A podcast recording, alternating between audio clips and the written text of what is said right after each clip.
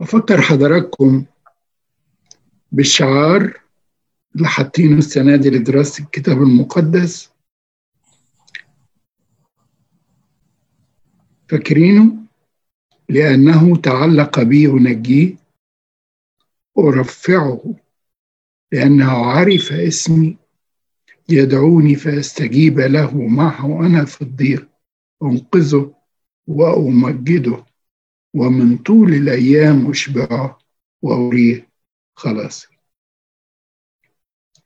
أحد الأسفار اللي بندرسها بنعمة ربنا هو سفر القضاة وهديكم ملخص بسيط بس للي إحنا درسناه.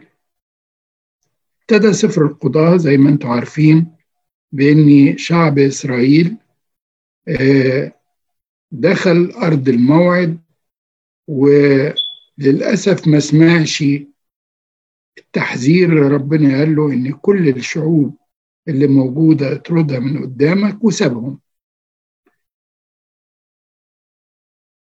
فلما سابوهم في وسطهم مش كان ربنا ما قال لهمش كده. ومع ذلك ربنا قال خلاص هم حبوا إنهم يخلوهم علشان يحطوا عليهم جزية ويجمعوا منهم فلوس. فربنا سمح بكده وقال ما يجراش حاجة لكن كل ما يعمل ربنا بيحاول يحوله دايما للخير. فقال هؤلاء الناس اللي دخلوا في وسطهم أو تركوهم من الأمم هيكونوا فرصة لشعب إسرائيل الجيل اللي طالع اللي ما شافش الحروب إنه يتعلم الحروب.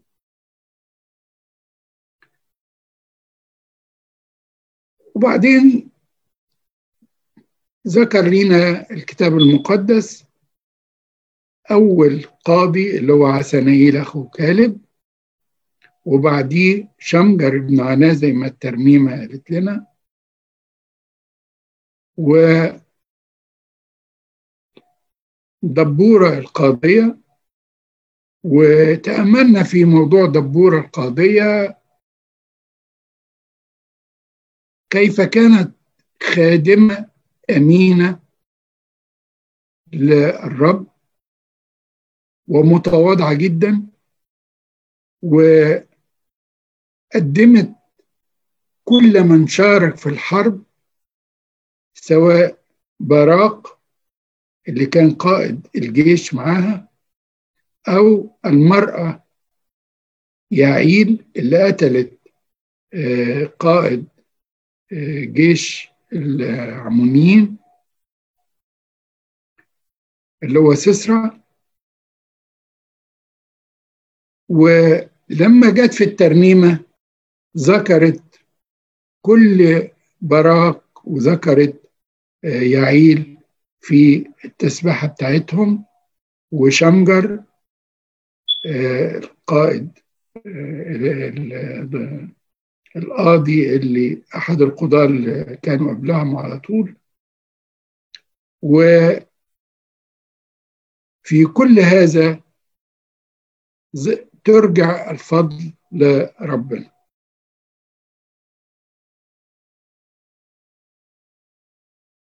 وبعدين دخلنا بعد كده في دراسة شخصية تانية من سفر القضاء جدعون. وطبعا عارفين قصة جدعون وكيف ظهر لها الله. و... وقال له يا جبار البأس وأنتوا عارفين بقية القصة. وكيف انتصر جدعون ب 300 رجل فقط على جيش 135 ألف رجل محارب. كانت قوة وظهور عمل الله في مع شعبه في هذه المعركة.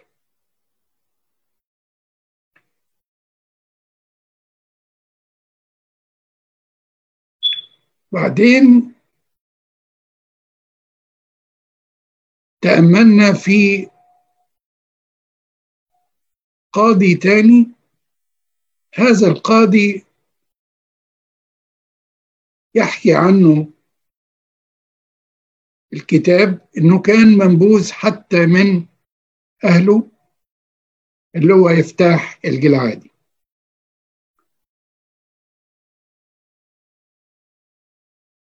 كان ابن يعني جلعادي جابوا من امرأة زانية لأن مراته ما كانتش بتخلف. المهم لما مراته خلفت طردوه واستبعدوه فمشي هو مع ناس أشرار وعمل عصابة. لكن كان أبوه علمه ودربه وفهمه كم آه، الأعمال التي صنعها الله مع شعب إسرائيل وكيف تمجد مع شعب إسرائيل. فلما آه، ابتدوا العمونيين يحاربوا شعب إسرائيل. راح هو راحوا إخواته يجيبوه. وقالوا تعالى دافع آه، عنا. والقصة أنتوا عارفينها إن هو انتصر وبنته طبعا آه، ونذر نذر ربنا إن اللي يقابله لو هو راجع وداخل المدينة هيقدموا ذبيحة. وطبعا هذا النذر لم يكن طبقا لمشيئة الله أو طبقا للشريعة لكن لأنه خرج من فمه ونفذه الوعد بتاعه. النهارده بنعمة ربنا ندخل على القاضي رقم 12 وهو آخر القضاة المذكورين في سفر القضاة وهو شمشون. شمشون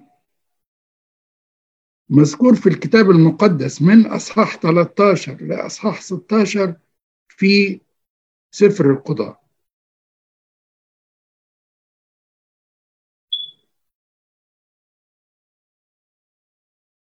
هو شخصية محيرة لينا كبشر. يعني إزاي شخص نذير ربنا اختاره وجه بشر بيه؟ وإزاي هذه الشخصية تعمل أعمال غير مقبولة لدى الله.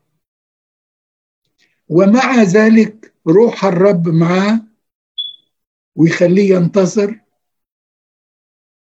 رغم أخطائه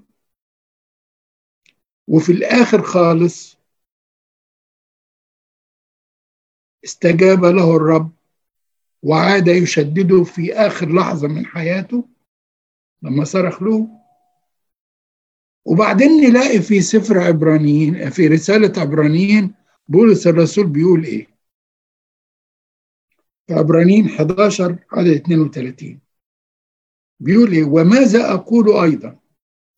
لأنه يعوزني الوقت إن أخبرت عن جدعون وباراق وشمشون ويفتح. شمشون؟ يا شمشون ده يعني بي يعني حواليه علامات استفهام كتيرة. تعالوا ندخل ونشوف ليه ربنا سمح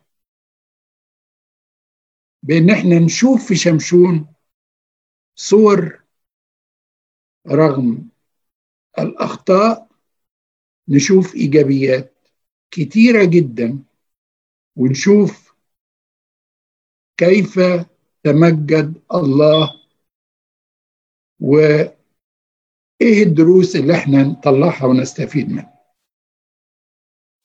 تعالوا نقرأ كده لو سمحتوا اللي فاتحين الكتاب معايا الكتاب المقدس. يا ريت حد من أخواتي منى لو معانا تقري لنا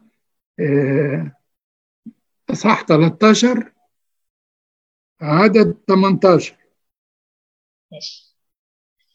ثم عاد بنو إسرائيل يعملون الشر في عيني الرب فدفعهم الرب ليد الفلسطينيين أربعين سنة. وكان رجل من صرعة من عشيرة الدانيين اسمه منوح وامرأته عاقر لم تلد. فتراءى ملاك الرب للمرأة وقال لها ها أنت عاقر لم تلدي ولكنك تحبلين وتلدين ابنا.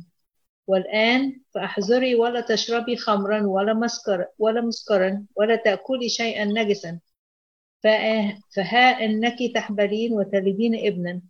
ولا يعلو موسى رأسه لأن الصبي يكون نذيرا لله من البطن وهو يبدأ يخلص إسرائيل من يد الفلسطينيين. فدخلت المرأة وكلمت رجلها قائلة جاء إلي رجل الله ومنظره كمنظر ملاك الله مرهب جدا. ولم أسأله من أين هو ولا هو أخبرني عن اسمه. وقال لي ها أنت تحبلين وتلدين ابنا. والآن فلا تشربي خمرا ولا مسكرا ولا تأكلي شيئا نجسا لأن الصبي يكون نذيرا لله من البطن إلى يوم موته. فصلى منوح إلى الرب وقال أسألك يا سيدي أن يأتي أيضا إلينا رجل الله الذي أرسلته ويعلمنا ماذا نعمل للصبي الذي يولد. فسمع الله لصوت منوح فجاء ملاك الله أيضا في المرة إلى المرأة وهي جالسة في الحقل ومنوح رجلها ليس معها. فأسرعت المرأة وركضت وأخبرت رجلها وقالت له هو ذا قد تراءى لي الرجل الذي جاء إلي ذلك اليوم. فقال فقام منوح وسار وراء امرأته وجاء إلى الرجل وقال له أأنت الرجل الذي تكلم مع المرأة؟ فقال أنا هو. وقال منوح عند مجيء كلامك ماذا يكون حكم الصبي ومعاملته وقال ملاك الرب لمنوح من كل ما قلت للمرأة فلتتحفظ. من كل ما يخرج من جفنة الخمر لا تأكل وخمرا ومسكرا لا تشرب وكل نجس لا تأكل لتحذر من كل ما أوصيتها. فقال منوح لملاك الرب دعنا نعوقك ونعمل لك جديي معزي فقال ملاك الرب لمنوح ولو عوقتني لا أكل من خبزك وإن عملت محرقة فللرب اصعدها لأن منوح لم يعلم إنه ملاك الرب. فقال منوح لملاك الرب ما اسمك حتى إذا جاء كلامك نكرمك فقال له ملاك الرب لماذا تسأل عن اسمي وهو عجيب؟ شكرا يا مدام منى. القصة كده الجزء الأولاني منها بيورينا ان ان شمشون من سبط دان واضح تماما ان الراجل منوح نفسه اللي هو أبو شمشون والزوجة بتاعته الست بتاعته إنهم طيبين جدا. بيت يعرفوا ربنا.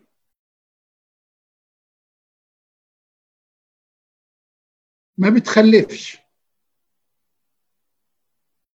عاقر وده طبعا بتبقى المرأة العاقر في وسط الشعب كانت بتعتبر إنها يعني ملومة أو معيبة فما كانتش بتلاقي ترحيب كبير من الناس. لكن ربنا بص لهذه الأسرة وبص لإيمانهم وبص لسلوكياتهم ومحبتهم له. قال بس هم دول اللي أقدر أطلع منهم مخلص.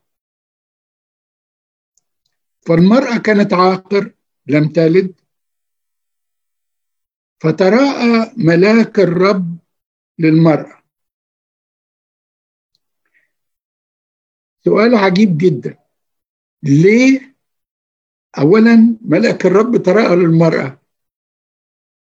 طب ما هو الراجل كويس يعني نشوف بعد كده إن الراجل راجل برضو يعني ابن ربنا يعني بي بي يعني له علاقة كويسة مع ربنا.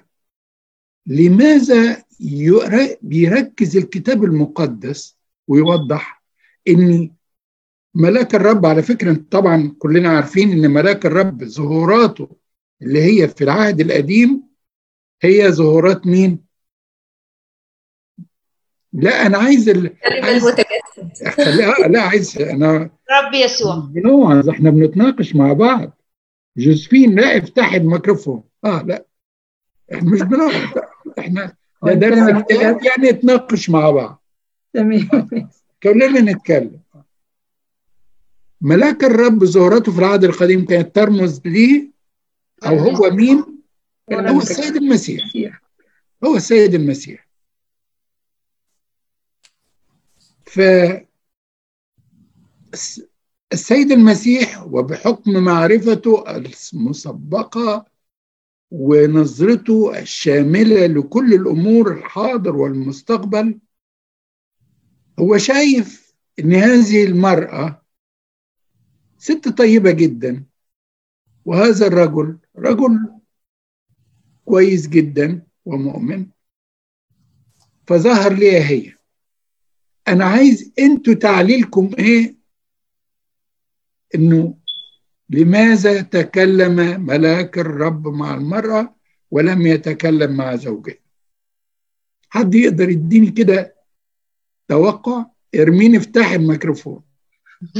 طيب هو أنا مش هقدر أفسر يعني بس أنا ممكن أتوقع إنه آه كذا حاجة. أول حاجة إنه آه ربنا بيحافظ على كرامة المرأة طول الوقت وبيقول معطينا إياه إياهن كرامة كالوارثات معكم. فعايز يأكد على إنه المرأة مش شيء منبوذ ولا إنه اللي بيتقال عنها في العهد القديم إن هي ملهاش قيمة إلا إذا خلفت آه أو النظرة السيئة اللي كانوا بينظروها للمرأة على إن هي دون أو أقل من الرجل. بتهيألي ممكن تكون دي واحد من ضمن الأسباب اللي علشانها ربنا بيظهر للمرأة ويتكلم معاها. وكان سمعت قريب حاجة ظريفة كده إنه إنه الرجل ممكن يطلع الجبل عشان يقابل ربنا زي موسى أو إيليا أو كده لكن ربنا بيجي لنفسه لغاية المرأة زي المرأة السامرية وال وال والأمثلة البسيطة ديت إنه الست الغلبانة اللي قاعدة في البيت دهيت اللي بتطبخ وبتعمل كل الحاجات. انه ربنا برضو بيديها كرامة وبيهتم بيها ممكن يجيها لغاية عندها. مدام منى. أنا بقول جايز عشان هي اللي هتبتدي هي اللي هترعى الطفل من الأول للآخر في البداية. الأول كام سنة هو هيبقى قريب منها خالص زي ما بفكرني بموسى. لما أمه ربته وعلمته وشبعته مخافة ربنا وكده ويعرف هو مين. هو ده اللي, دخل جه فكري يعني إن هي اللي أول واحدة هتتعامل معاه وهي اللي هتربيه في الأول من الأوائل يعني فهتزرع فيه مخافة ربنا وتزرع فيه كلام ربنا. مريم؟ مريم مش معانا؟ طب جوزفين. هو التوقع بتاعي إن هو عشان الأم هي اللي هتحمل وعلى أساس إن المسؤولية هتقع على عاتقها فكان حرص ربنا إن هو التنبيهات تيجي منه دايركت ليها. يعني هو بيقول لها ده نذير الرب. ما لا تاكلي حاجة نجسة ولا تشربي مسكر ولا تشربي خمر. فيعني لو جو جه جوزها وقال لها الكلمتين دول ماشي.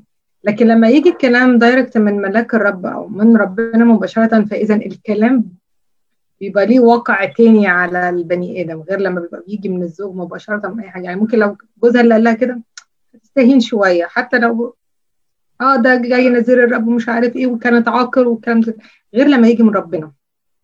أنا هديك طفل رغم إنك عاقر فانت لازم ولا تعملي ده ولا تعملي ده وتعملي ده وتخلي بالك من الطفل ده. فلما تيجي حاجة من ربنا مباشرة ممكن زي إرمين ما قالت كده بتفرق بيعمل لها كرامة. الكلام الحلو اللي انت قلته ده جميل جدا فعلا. إنما يعني تركيز ربنا إنه يكلم المرأة زي ما قالت إرمين فعلا لكي يظهر الله فعلا كرامة الأم. كرامة المرأة. المرأة مش حاجة تكميلية ولا درجة تانية ولا ولا ولا ولا الكلام ده. المرأة عند الله وفي المسيحية تساوي الرجل ولها مكانتها ولها احترامها ولاحظوا كمان إن السيد المسيح لما اللي هو ملاك الرب هنا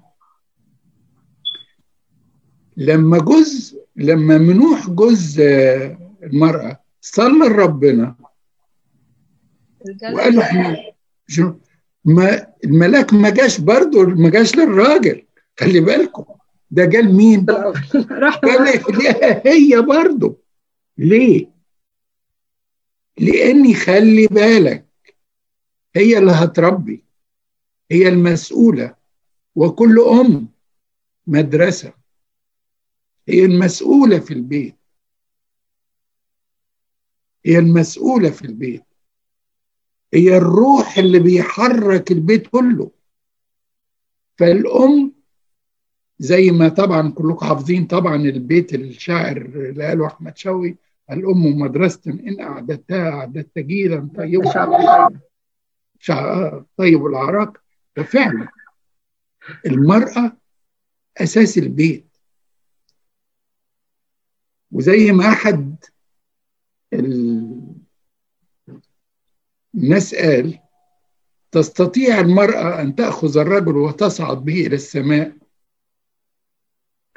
وتستطيع المرأة أن تأخذ الرجل وتهبط به إلى الهاوية.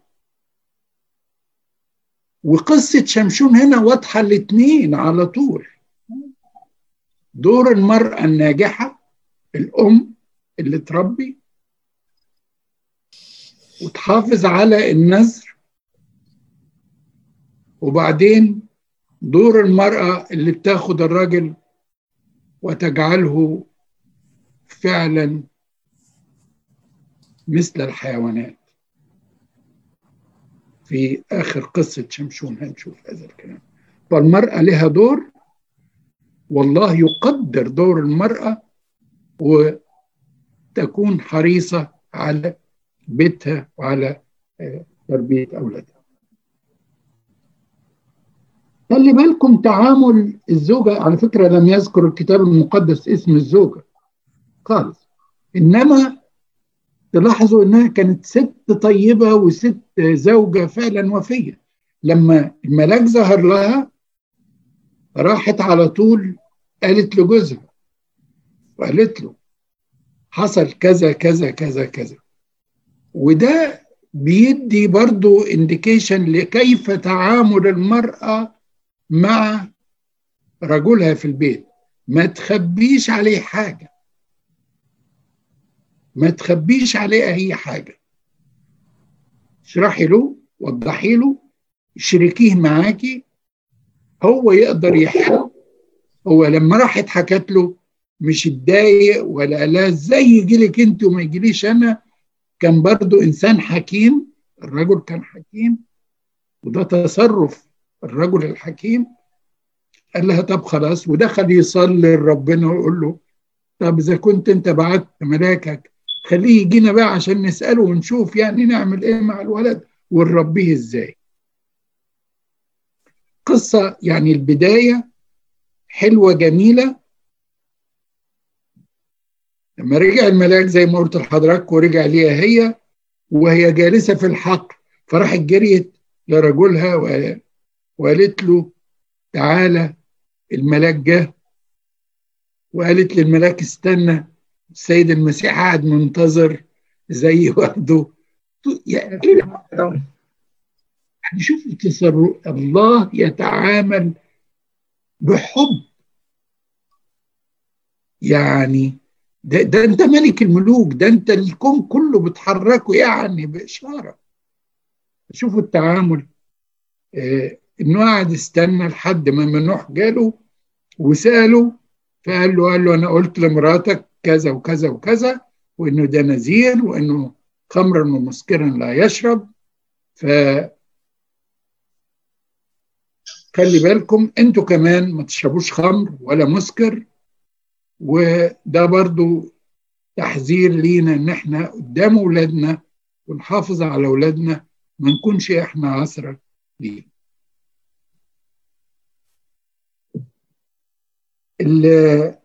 عدد 17 اللي ختمت بيه عدد 18 اللي ختمت بيه مدام منى لينا فقال له ملاك الرب لماذا تسأل عن اسمي وهو عجيب؟ إيه رأيكم؟ كان عجيبا مشيرا نذيرا. عجيبا مشيرا إله عظيم. أشعياء ستة عدد تسعة لأنه يولد لنا ولد. ونعطى ونعطى ابنا. وتكون الرياسة على كتفه ويدعى اسمه عجيما مشيرا إلها قديرا أبا أبديا. رئيس السلام. واضح تماما أن الذي كان يتكلم هو مين؟ الكلمة السيد المسيح. لماذا تسأل عن اسمي؟ وهو عجيب. ويجي أشعياء يقول عجيبا مشير. آه طبعا أنتوا عارفين بقية اللي حصل إني عملوا له الجد الجدي وقدموه له. طبعا ما كلش منه لأن الله لا يريد تقدمة أكل ولكن يريد تقدمة حب ذبيحة. فربنا قال له لا دي ذبيحة تقدم ورفعها ذبيحة قدام.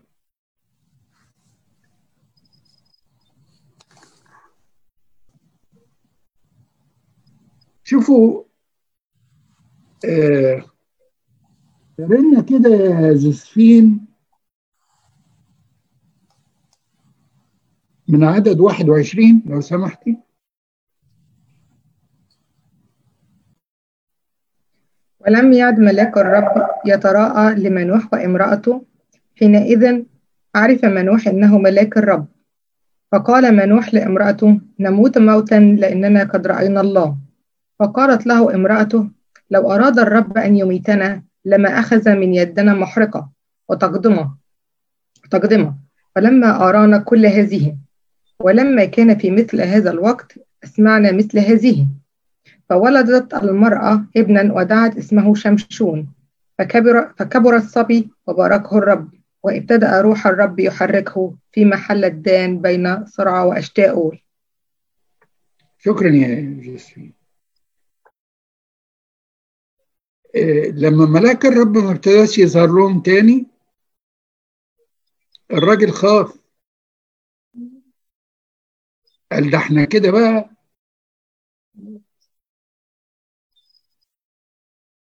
إحنا هنموت موتا لأننا قد رأينا الله. مش ملاك الرب بقى قد رأينا الله. إيه الرد بقى بتاع الست؟ ست الحكيمة. عين العقل. عين العقل صحيح يا مدام يا مدام منى صح. عين العقل.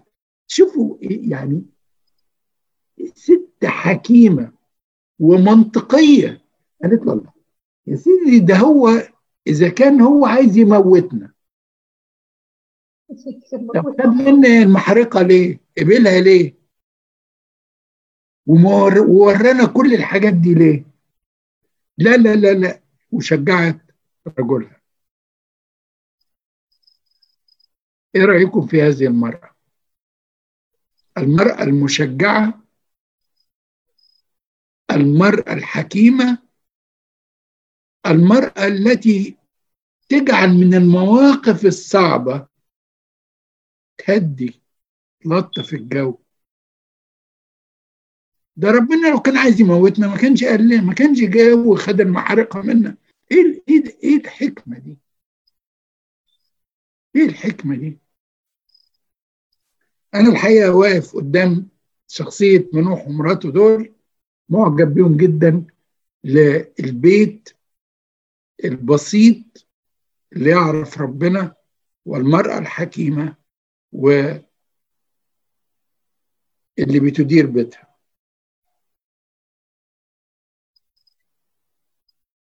في آخر طبعا الأصحاح زي ما جوزفين قرأت فكبر الصبي وباركه الرب وابتدى روح الرب يحركه في محل الدان كبر شمشون وبقى شاب وظهرت عليه القوة.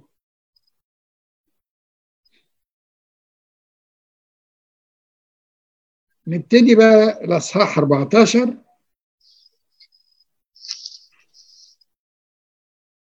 بداية أصحاح 14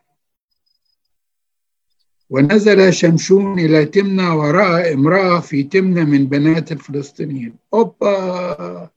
ده أنت بيحركك روح الرب. ده أنت نذير. وأبوك وأمك ناس مبروكين كويسين. إيه الحكاية دي؟ لكن شمشون كانت عينيه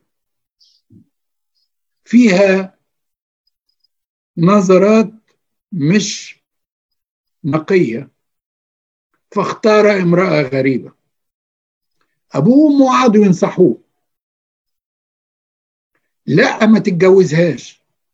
يا ابني ليه؟ ما عندنا بنات وعند وفي في العيلة يعني الأب والأم في بنات ما تتجوز واحدة منهم. قال لهم هي دي. هي دي. لو نقرأ عدد أربعة لو حضراتكم تبصوا كده. ولم يعلم أبوه وأمه أن ذلك من الرب لأنه كان يطلب علة على الفلسطينيين. تاني. قد نخطئ. وقد نفعل شيء لا يرضي الله لكن من محبة ربنا لينا بيحول حتى الخطأ بيحوله لمجد اسمه. طب شمشون عينه زيغ اختار واحدة. من الفلسطينيين. ها ماشي.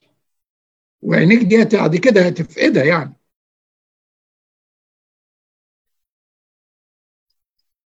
فالله عمل إيه؟ قال بس خلاص فرصة اني بهذه الارتباط الزيجة هيحصل بقى الكلاش اللي بين شعب إسرائيل عن طريق شمشون وبين الفلسطينيين.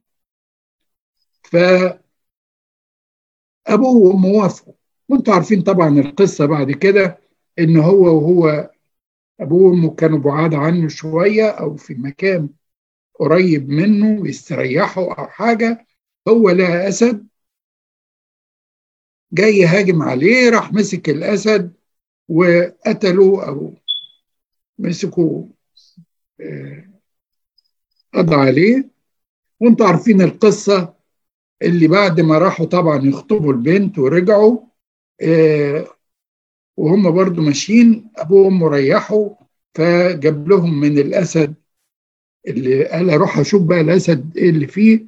لقى فيه عسل نحل.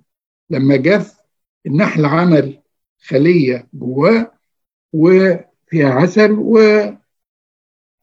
خد من العسل وأكل أبوه وأمه وما قال لهمش ده منين؟ ما قال لهمش ده منين؟ طبعا لها تحليلات كتيرة لأن لو كان قال لهم ما كانوش هياكلوا لأن المفروض إني ما ياكلوش أي حاجة نجسة من ميت فما رضيش يقول لهم وأكلهم وخلاص. ولما حصلوا راحوا بقى يعملوا الفرح والوليمة بقى الكبيرة اللي هي كانت سبعة أيام. الفلسطينيين طبعا عارفين شمشون بقى شكله كده يعني فتوة وجامد. قالوا لا ده, ده يخوف. فجابوا له 30 واحد صاحب يبقوا حواليه موجودين عشان لو حب يعمل يعني أي حركة فتونه يقدروا ال 30 ي... فطبعا عملوا وليمة سبعة أيام وفي الوليمة طبعا أنتوا عارفين القصة اللي هي قال لهم آه أنا أقول لكم فزورة وأنتوا عارفين الفزورة اللي هي إيه؟ من الاكل خرج اكلا ومن الجافي خرج حلوة بس طبعا مين هيقدر يحل هذه الفزورة؟ يعني هو اللي عارفها. وما كانش قال لأبوه ولا امه طبعا أنتوا عارفين السبب ليه. فهي قعدت خطيبته ومراته كان يعني في سابع يوم طبعا لحد سابع يوم مش عارف فين يوصلوا معاه لحل. وقال لهم لو أنتوا جاوبتوا هديكوا 30 قميص 30 حلة وانتوا عارفين بقية القصة. القصة إنها هي قعدت تقول له لأ أنت كده ما بتحبنيش وبتاع. ف قعدت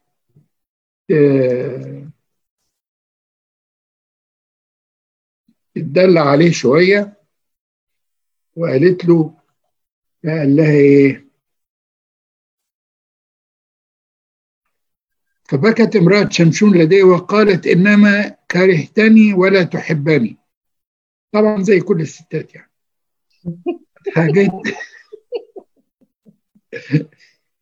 قد حاجيت بني شعبي أحجية وإياي لم تخبر.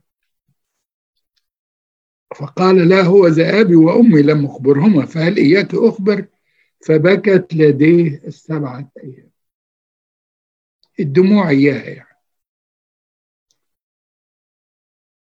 وكان في اليوم السابع أنه أخبرها لأنها ضايقته فأظهرت الأحجية لبني شعبه قال لها طبعا حل الفزورة وهي راحت قالت لأصحابه طبعا هو اتضايق وطبعا عشان وعدهم إني هيجيب لهم 30 قميص راح قتل 30 واحد وجاب الملابس بتاعتهم وأعطاها له في عدد 19 يقول وحل عليه روح الرب فنزل إلى أشقلون وقتل منهم ثلاثين رجلا وأخذ سلبهم وأعطى الحلل لمظهري الأحجية. طب أنا عندي سؤال هنا يا أنكل لو تسمح لي. المفروض إنه الملاك لما ظهر لهم أو ربنا الاقنوم التاني لما ظهر لهم قال لهم إنه ما ياكلوش شيء نجس وهو عارف كده كويس. هو شمشون عارف إن هو نذير الرب والمفروض إنه ما يحلقش شعره وما ياكلش شيء نجس ولا مسكر وهكذا. ففي العدد العدد تسعة من إصحاح 14 بيقول على العسل اللي أخده من الجافي أو من الأسد الميت في هذه اللحظة يعني. إنه كان بيمشي ويأكل. يعني هو نفسه كان بيأكل من من الأسد ده. والمفروض إن ده في حد ذاته كده هو بيكسر الجزئية بتاعت ما ياكلش شيء نجس.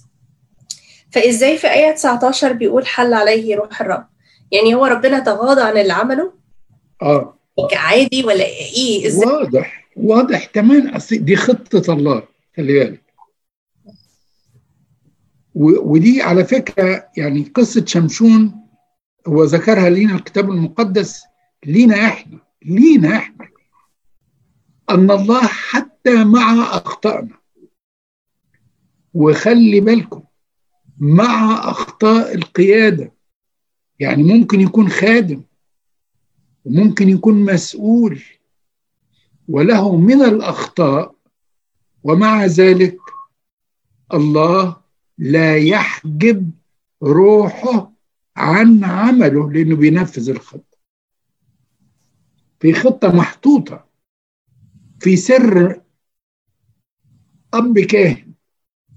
مهما كانت اخطاءه وضعفاته هل ده يمنع حلول الروح القدس على الذبيحة؟ إطلاقا. إطلاقا. الذبيحة لا تتأثر بالشخص الذي يقدمها. لأن هي المقدسة وهي التي تقدس وهي التي تطهر. هو غلط آه. هيسيبوا ربنا؟ ربنا عنده خطة. هو بعته نذير علشان يخلص شعب إسرائيل زي ما قال. له ضعفاته؟ يس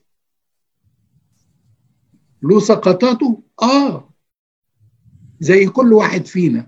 ولكنه يستطيع أن يجعل منا نحن لا شيء أن يخرج منا حلاوة. ف ده إحنا هنشوف بعد كده الله أعماله شكلها إيه؟ مع شمشون. المهم طبعا شمشون طلع وراح قتل 30 واحد. طبعا النار اشتعلت بقى في في الفلسطينيين إيه الولد ده اللي, عمال يعني يعمل الكلام ده؟ في إصحاح 15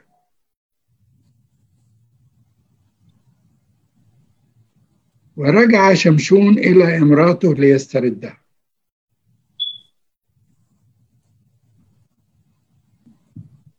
رجع شمشون عايز يرجع بقى الست بتاعته مراته اللي كان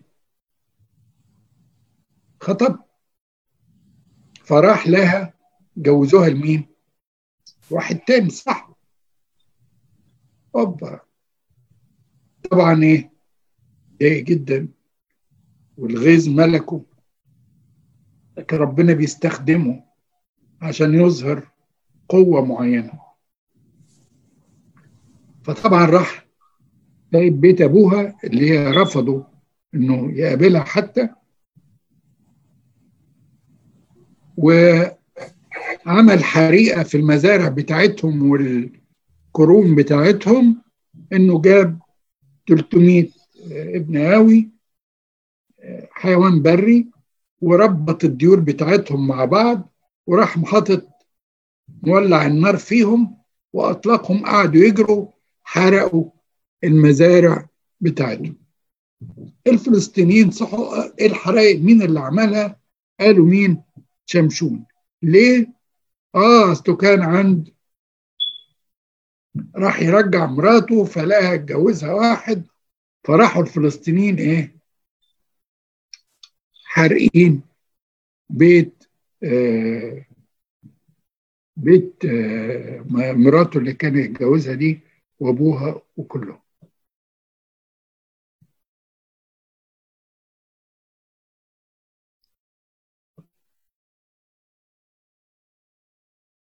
وهرب. شمشون فالفلسطينيين طبعا اتضايقوا وراحوا إيه مجهزين جيش وراحوا على يهوذا سبت يهوذا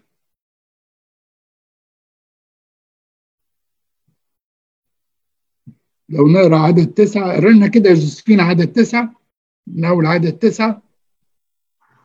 وصعد الفلسطينيون ونزلوا في يهوذا وتفرقوا في لحى لحيم فقال رجال يهوذا لماذا صعدتم علينا؟ فقالوا صعدنا لكي نوثق شمشون لنفعل به كما فعل بنا. فنزل ثلثة آلاف رجل من يهوذا إلى شق صخرة عيط عيطم عيطم وقالوا لشمشون أما علمت أن الفلسطينيين متسلطون علينا فماذا فعلت بنا؟ فقال لهم كما فعلوا بي هكذا فعلت بهم. فقالوا له نزلنا لكي نوثقك ونسلمك إلى أيدي. إلى يد الفلسطينيين. فقال لهم شمشون احلفوا لي إنكم أنتم لا تقعون علي. فكلموه قائلين كلا ولكننا نوثقك ونسلمك إلى يدهم وقتلا لا نقتلك. فأوثقوه بحبلين جديدين وأصعدوه من الصخرة. ولما جاء إلى لحى صاح الفلسطينيون للقائه فحل عليه روح الرب فكان الحبلان اللذان على ذراعيه ككتان أحرق بالنار. فإن حل الوثاق عن يديه فوجد لحية حمارا ثريا فمد يده وأخذه وضرب به ألف رجل. فقال شكرا يا القصة طبعا يعني واضح تماما إنه طبعا الفلسطينيين اتضايقوا نزلوا يهاجموا على يهوذا هاتوا لنا شمشون شمشون كان مستخبي في صخرة ف في رجال يهوذا انت عملت كده فينا ليه وبتاع؟ قال لهم طب أقول لكم حاجة اربطوني وسلموني بس ما تموتونيش فقالوا له خلاص. وفعلا ربطوه وسلموه للفلسطينيين. فالفلسطينيين فرحوا أول ما شافوه إنه جاي وخلاص هيبتدوا هيهجموا عليه راح روح ربنا طبعا حل عليه وفك القيود اللي كان مربوط بيها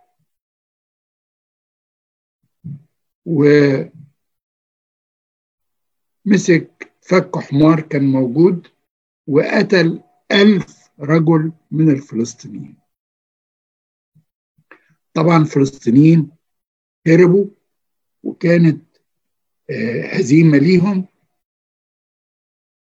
وهو طبعا حس بقوته وحس بال قد إيه عنده قوة. وقد إيه قدر يهزم الفلسطينيين في هذه المعركة. فعطش جدا. فدعا الرب. وقال إنك قد جعل قد جعلت يد بيد عبدك هذا الخلاص العظيم والآن أموت من العطش وأسقط بيد الغلف. فشق الله الكفة التي في لحى في لحي فخرج منها ماء فشرب ورجعت روحه فانتهى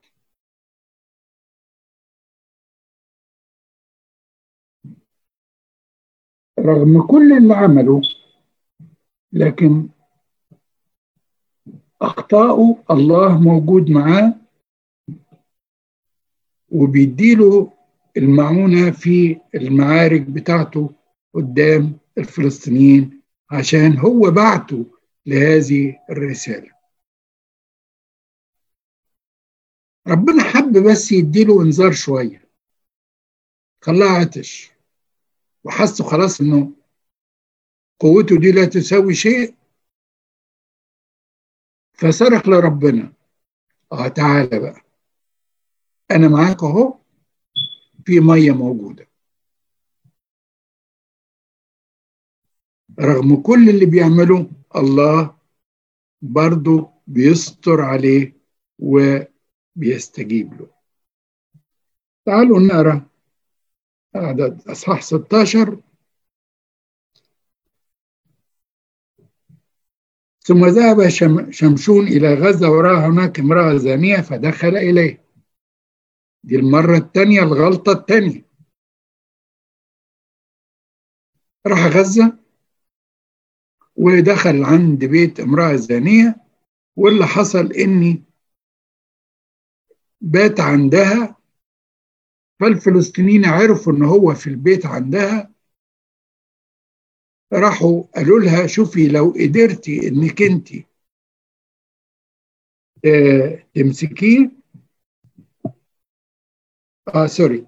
آه دخلوا عندها. فضلوا قاعدين له بقى بايتين له على باب المدينة عشان لما يخرج يقدروا يقتلوه. فطبعا هو صحي في نص الليل وراح قابل جاي يخرج فلقى الباب مقفول بتاع المدينة. طبعا المدن كانت في الوقت دي لها أبواب وبيقفلوها بالليل. فهو راح شال الباب بتاع المدينة والباب طبعا باب كبير جدا. لا يمكن واحد ولا عشرة حتى يشيلوه. هو شاله بالحلق بتاعه أو بالعوارض بتاعته ومشي بيه وطلع الجبل وصعد بيه. الفلسطينيين طبعا إيه عرفوا إن هذا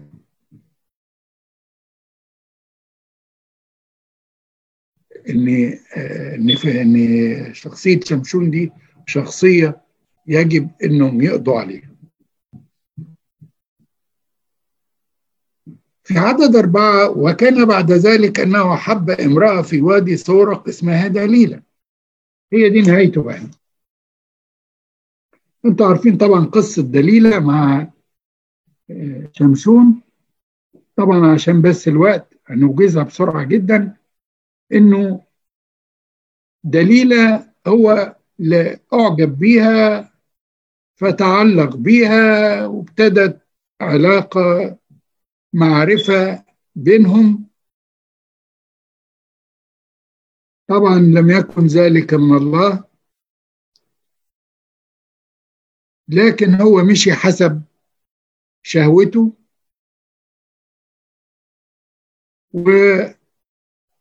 والفلسطينيين قالوا لها لو عرفتي سر قوته إحنا هنديكي مئة شاقل فضة كل واحد. فقعدت تدلع عليه شوية وقالت له أول مرة الفلسطينيين قول لي سرك قوتك إيه؟ فقال لها آه لو ربطوني لو ربطوني بحبال وانتوا عارفين طبعا القصة أول مرة ربطوه بحبال فقالت له الفلسطينيين عليك يا شمشون. فراح قايم وفرد إيديه فقطع الحبال. طيب ما دام يعني أنت عرفت إنها بتعمل ده علشان فلسطين هيهجموا عليك. اهرب بقى لحياتك ما تقعدش بقى في مكان الخطية تاني. ما تكررهاش تاني وتستمر. المهم المرة التانية والمرة التالتة طبعا قلت له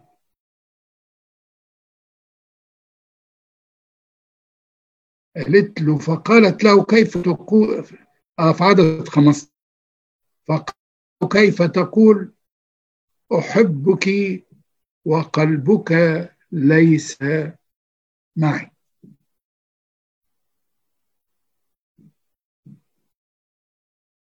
أفكركم بالمرة اللي فاتت مريم اتأملت في الحتة دي وقالت أنا معجبة بهذه المرأة رغم إنها كانت إنسانة شريرة لكن قالت آية درس لينا إن اللي بيحب يحب من القلب. الحب مش كلام الحب عمل الحب مشاعر. من جوه تتحول إلى أفعال. أنت بتحبني؟ إذا كنت بتحبني من قلبك قول لي. تخبيش عليا. وربنا بيقول لنا كده.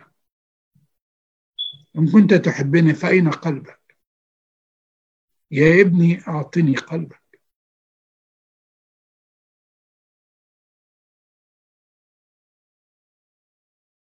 المحبة ليست كلمات ولكنها مشاعر حب تظهر من القلب في أفعال. طبعا دليلة ثالث مرة لما قالت له بكت وي وي فقعدت تضايقه بكلامها وألحت عليه ضاقت نفسه إلى الموت. يعني كره كره نفسه وكره العيشة كلها.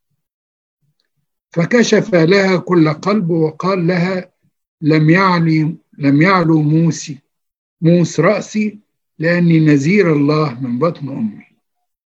فانحلقت تفارقني قوتي وأضعف وأسير كأحد الناس. طبعا دليل عرفت السر راحت قالت للفلسطينيين وأنتوا عارفين بقية القصة إنها نيمته وراحت قصاله شعره جاء ناس قصوا شعره وقام قالت له عليك الفلسطينيين. فطبعا مفيش راحت القوة منه. أول حاجة عملوها فيه إنه إيه؟ فقعوا عينيه. عينيك. مش عينيك دي اللي أنت بتبص بيها؟ مش عينيك دي اللي جرت جابت لك الشر كله؟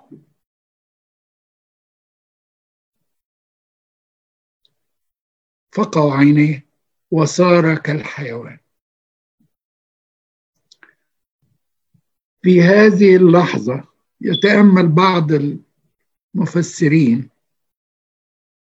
والقديسين بيقولوا إن حينما فقد شمشون عيناه والرؤية الخارجية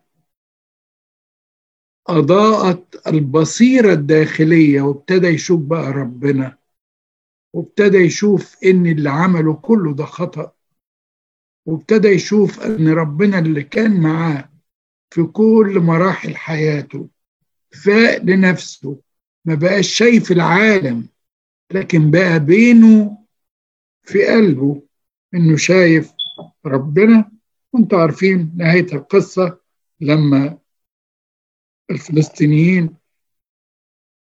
اجتمعوا ليذبحوا ذبيحة عظيمة لتمثال ناجون إلههم وجابوا شمشون عشان يلعب ليهم يرقص وكان ابتدى شعره ينبت طبعا الفكرة مش الشعر اللي بينبت فيه القوة لكن هو لما نبص كده نشوف قال إيه؟ وصلاته كانت إيه؟ وربنا كانت استجابته إزاي؟ كان في المعبد اللي عاملين فيه الاحتفال ده حوالي 3000 رجل وامرأة. ومنتظرين بقى يتفرجوا على شمشون الأعمى اللي كان خايفين منه أو مشغلينه يطحن حيوان يلعبوا بيه. فدعا شمشون الرب عدد 28 فدعا شمشون الرب وقال يا سيد الرب اذكرني وشددني. يا الله هذه المرة فقط فأنتقم نقمة واحدة عن عيني من الفلسطينيين. ربنا سابه اذكرني يا رب اذكرني اذكرني متى جئت في ملكوتك. اللص في اللحظات الأخيرة من حياته. قال اذكرني فقبله. شمشون في اللحظات الأخيرة من حياته. قال اذكرني. فاستجاب له الرب. وطبعا أنتوا عارفين إني مسك العمودين زقهم بإيديه فانهار المبنى كله وقتل الذين قتلوا في هذا اليوم اللي قتلهم شمشون في موته أكثر من الذين أماتهم في حياته. خلي بالكم إن اقرأ آخر عدد 31 فنزل إخوته وكل بيت أبيه وحملوه وصعدوا به. أمه اللي كانت عاقر وخلفت شمشون كان له إخوات وجم هم اللي شالوه وودوه. شمشون قصة قد نراها من جانب إنها فيها مواقف ضعف مواقف سقوط لكن الله كان يستخدم حتى الضعفات لكي يجعل منها مواقف تمجد اسمه. الحاجة التانية اللي برضو نبص عليها في حياة شمشون إن إحنا لا نفتخر بالقدرات والإمكانيات اللي عندنا. التي أعطاها الله لنا. سواء مال أو مركز أو سلطة أو جمال أو قوة. شمشون كان جبار قوي. استخدم ذلك ليتفاخر به أمام الفلسطينيين.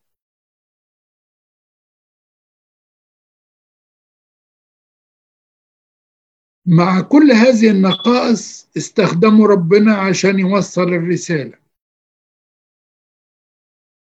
وقد يستخدم الله بعض الأشخاص بضعفتهم. ورغم ضعفتهم وبيستر عليهم ربنا وهو عارف بيستر علينا إن إحنا جوانا ضعفات ويخلينا قدام الناس كويسين ويدينا قوه وهو عارف إن فينا ضعفات من جوه. ف لكن في النهاية هو عايز في الآخر إن إحنا نتوب ونرجع له. حاجة برضو اللي ناخدها ونعلم بيها اولادنا لا تتهاون ولا تتفاوض مع الخطية. إذا غلطت في مكان ما تكررش الغلطة تاني. لو ضحك عليك حد ما تكررش الغلطة تاني وتقعد معاه. دليلة ضحكت عليه ثلاث مرات وما تعلمش. وما تعلمش. ليه؟ الخطية الشهوة كانت غلباه ف يا ريتنا فعلا إني مهما كانت المواقف صعبة ومهما كانت اخطائنا إن إحنا نتوب ونرجع لربنا. ومحبة ربنا غير محدودة ويقبل التوبة حتى ولو كانت في اللحظات الأخيرة لإلهنا كل مجد إلى الأبد. آمين.